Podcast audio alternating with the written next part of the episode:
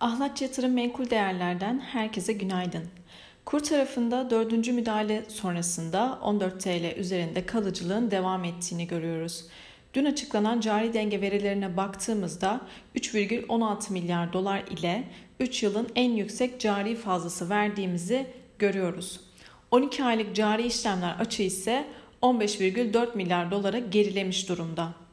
Kur tarafında şu anki fiyatlar 14.50 seviyelerini işaret ediyor. Bu akşam özellikle e, dikkatler FED toplantısında olacak. ABD enflasyon ve üfe rakamlarının yüksek gelmeye devam ettiğini gördük.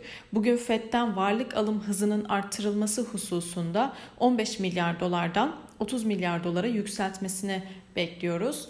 FED Başkanı Powell'ın Şahin tonda mesajlar vereceğini ve yüksek seyreden enflasyon karşısında faiz artırım aksiyonunu da erkene çekebileceğini düşünüyoruz. Dolayısıyla altın tarafında özellikle Fed öncesinde 1769 dolar seviyeleri gündeme geldi. Ana destek olarak 1750 dolar seviyeleri bu anlamda takip edilebilir.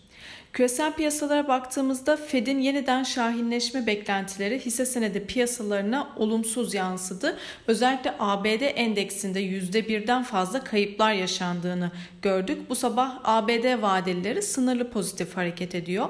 Asya Pasifik hisse senetleri de Çin'den gayrimenkul endişesini arttıran verilerin gelmesiyle ve omikron endişeleri ile beraber karışık bir görünüm sergilediğini gördük. Brent petrol tarafına baktığımızda Uluslararası Enerji Ajansı'nın petrolde arz fazlasının yeniden yaşanacağını, dolayısıyla küresel talebin önüne geçebileceği beklentileriyle yeniden 72 dolar seviyesine gerilemiş durumda. Brent petrolde ana destek olarak 70 dolar seviyesini takip edebiliriz. Yukarı yönlü hareketlenmelerde de 74 ve özellikle 75 dolar seviyesi hala önemini koruyor. Bugün İngiltere'de enflasyon, Amerika'da perakende satışlar, ham petrol stokları ve FED toplantısını takip ediyor olacağız. Yurt içinde ise bütçe dengesi verisini takip edeceğiz. Herkese bol kazançlı güzel bir gün dilerim.